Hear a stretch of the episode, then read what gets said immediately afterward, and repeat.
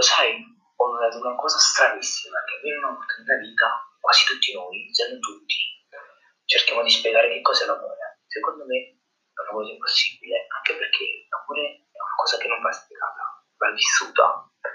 Poi anche se volessimo spiegarla, come facciamo? Perché, beh, chi non è mai stato innamorato, come fa a spiegare una sensazione che non conosce? Quando ami una persona così tanto, la parla più di se stessi. Spiegare una cosa che non conosci? Impossibile, no? Mentre chi è stato innamorato non troverà mai il coraggio, o meglio, la forza, non troverà mai la forza di raccontare quello che provava, perché lei quell'amore credeva di aver trovato la felicità eterna. Ma purtroppo era solo un'illusione, anche se è bella, però purtroppo era solo un'illusione, che può durare anche pochi attimi, o anni, o mesi, o giorni. Il problema è che era solamente un'illusione, l'illusione della felicità.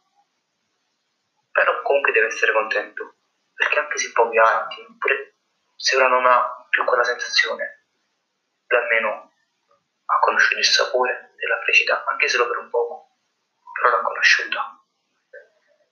Mentre beh, chi è innamorato come fa a spiegare una cosa che neanche capisce? Come fa a spiegare una cosa che ti stravolge e allo stesso tempo ti migliora la vita? È impossibile, no? Molte persone credono che è impossibile innamorarsi, cioè come fa una persona sola, così identica a con le stesse caratteristiche, a migliorarti la vita? Come fa? Con un semplice sorriso a renderti l'unica felice del mondo? Come fa?